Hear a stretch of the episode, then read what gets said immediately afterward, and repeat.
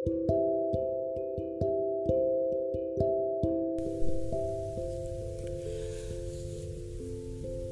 semuanya, apa kabar? Semoga hari tetap menjadi baik untuk kehidupan yang tak akan selalu baik-baik saja. well, alhamdulillah banget gue hari ini punya waktu lagi untuk ngobrol. Yang sekarang obrolan ini udah jadi suara rekaman dan sedang kalian dengar.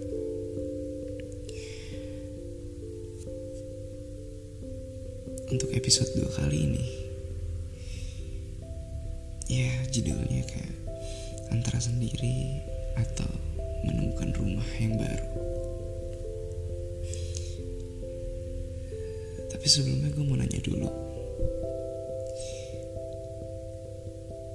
belakangan ini adakah rasa yang masih kalian simpan hingga sekarang? Mungkin yang seharusnya rasanya udah hilang dari kapan tahu yang seharusnya udah nggak menetap di diri kita tapi masih aja kesimpan gitu. Meskipun tempat rasa itu kembali pulang kini telah anonim dan rindu terbang tak tentu arah kepada siapa ia ingin kembali singgah.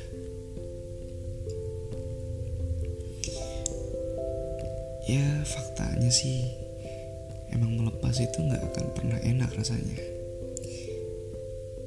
Ya gue juga pernah ngerasain dan lu pasti juga pernah ngerasain. Sama halnya kayak berpisah. Meskipun menyudahkannya dengan baik-baik saja. Sebaik apa pun perpisahan ujungnya pasti sakit dan hati tuh nggak bakal bisa bercanda gitu apalagi soal rasa. Tapi udahlah ya, yang udah disudahi saja gitu. Mulai lembaran baru dengan pena yang baru, lepas tinta yang sudah dipakai menulis buku yang lama. Dan menurut gue sih, terkadang sendiri itu lebih baik. Dalam arti kata, kadang kita Gak harus memaksakan diri kita untuk bisa ngebahagiain seseorang dengan mengorbankan kebahagiaan kita sendiri. Hidup itu sebenarnya udah rumit banget. Jadi ya gak usah diperumit lagi. Kalau dengan sendiri, lu bisa manage apa pun yang menjadi kebahagiaan versi lu. Jangan takut buat sendiri. Dan dengan sendiri, kadang enaknya tuh kalau pas me time gitu. Ya gue juga kadang orang butuh me time gitu. Di luar waktu kerjaan kayak pas lagi libur. Yang namanya me time tuh sebenarnya harus ada di kehidupan kita. Kalau gue sendiri sih suka banget kayak duduk di taman. Biasanya gue bawa kamera terus juga kadang naik kereta sendirian tuh kayaknya feelnya enak banget. Kadang pas gue bawa kamera nih sambil motret suatu objek dan kadang gue edit di salah satu tempat edit foto dan foto itu kadang gue jadiin latar untuk gue bikin puisi. Dan ya lo semua pasti punya me time versi lo sendiri dong. Apa pun itu dan me time itu kan pasti bisa di hobi. Ya apa pun yang menjadi kesenangan diri lu dan menurut gue sih nggak harus merugikan orang lain. Ya itu sih menurut gue alasan untuk nggak selalu mencari rumah kedua setelah usai dari rumah yang pertama. Ada kala kita harus berhenti sejenak dan fokus terhadap kehidupan kita yang lebih baik ada kala kita harus berhenti atau rehat dari persoalan cinta yang kadang ngebuat kita jadi pusing setengah mampus gitu.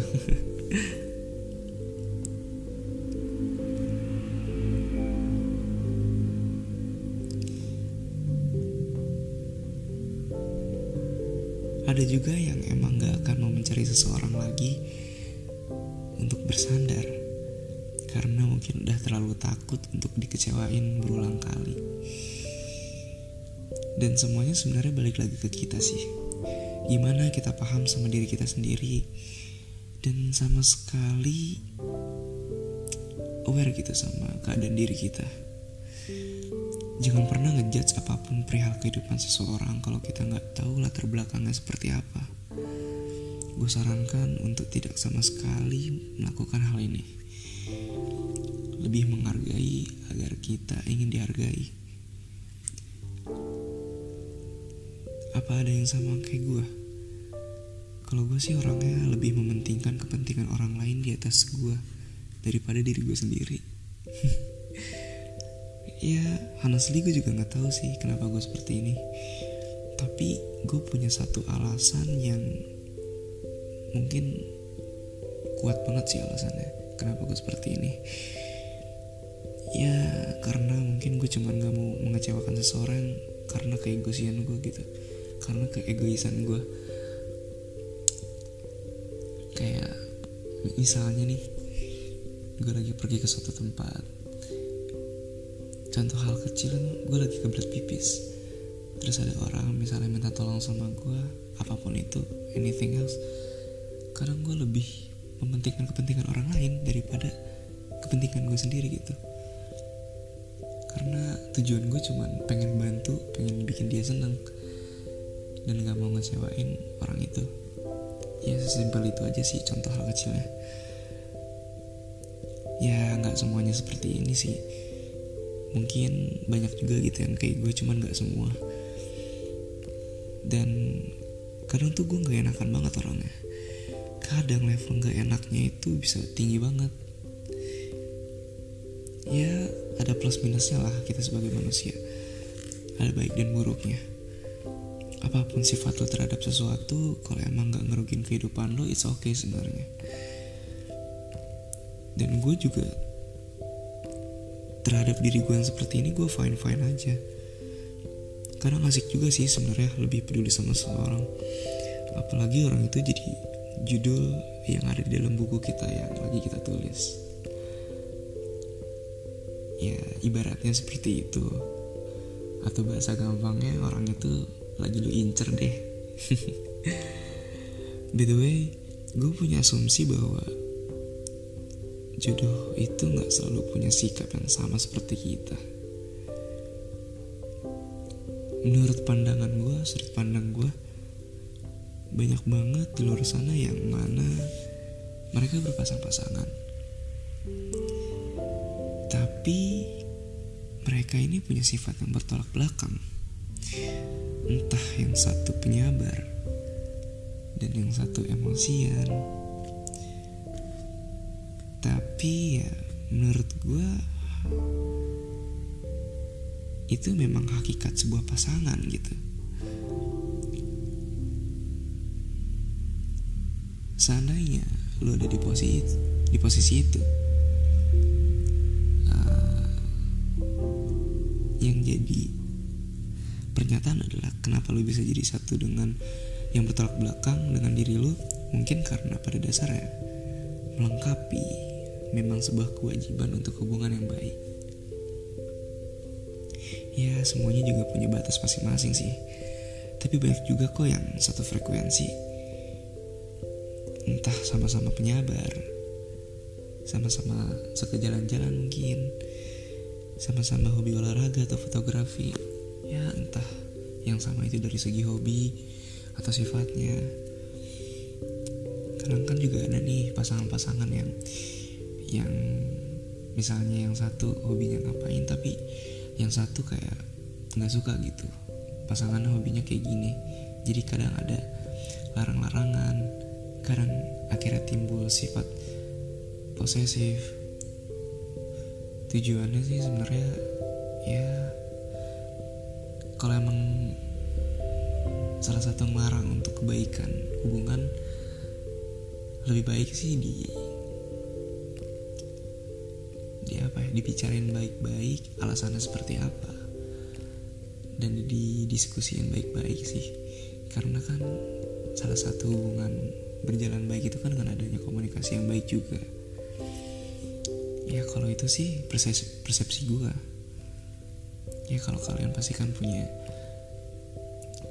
uh, solusi lain supaya hubungan kalian jadi lebih baik. Jadi poinnya sih sebenarnya berusaha menjadi pribadi yang lebih baik dulu dan berusaha memantaskan diri untuk seseorang dibanggakan. Berusaha juga jadi sesuatu supaya punya alasan kenapa lo itu harus dicintai. Ya menurut gue sih nggak terlalu susah lah ya dicerna. Dan ketika lo udah mendapatkan seseorang yang pantas untuk dicintai sifat sifat bucin lo tuh pasti udah kelihatan. Dan kadang orang banyak banget yang mempermasalahkan kayak bucin banget sih lo sama pasangan lo. Kalau emang bucin itu ngebuat lo nggak cepet bosan bucin itu ngebuat lo jadi lebih erat sama pasangan lo atau bucin itu ngebuat lo bisa ngejaga diri dari seseorang yang mungkin agak ya agak gimana sama diri lu. Lu bisa aware sama diri lu karena lu sadar lu punya seseorang yang harus dijaga ya itu jadi hal yang baik gitu buat diri lu sama pasangan lu. Well kalau bucin lu karena emang lu sayang ya why not gitu? Itu kan untuk kebaikan diri lu dan pasangan lu aja. Dan sebenarnya ya kadang orang-orang yang berkomentar seperti itu kan karena mereka mungkin nggak sengaja melihat kebucinan yang uh, sedang lu pamerkan gitu. Entah mereka iri atau mungkin ya mereka agak sedikit panas gitu. Hubungan mereka nggak sebaik yang lu jalanin. Ya apa pun asumsi negatif dari orang-orang di luar sana sih lebih baik diambil positifnya aja sih. Ya nggak usah terlalu memikirkan kehidupan orang sebenarnya. Kalau kehidupan kita udah begitu baik untuk kita sendiri ya diimprove aja gitu ke depannya. Tapi semoga kita semua adalah pribadi yang baik yang mengharapkan seseorang yang baik pula untuk kehidupan kita selanjutnya udah berapa menit ya gue ngobrol Ya, ini adalah akhir dari episode 2. Antara sendiri atau menemukan rumah yang baru. Gua Ian. See you next episode. Good night.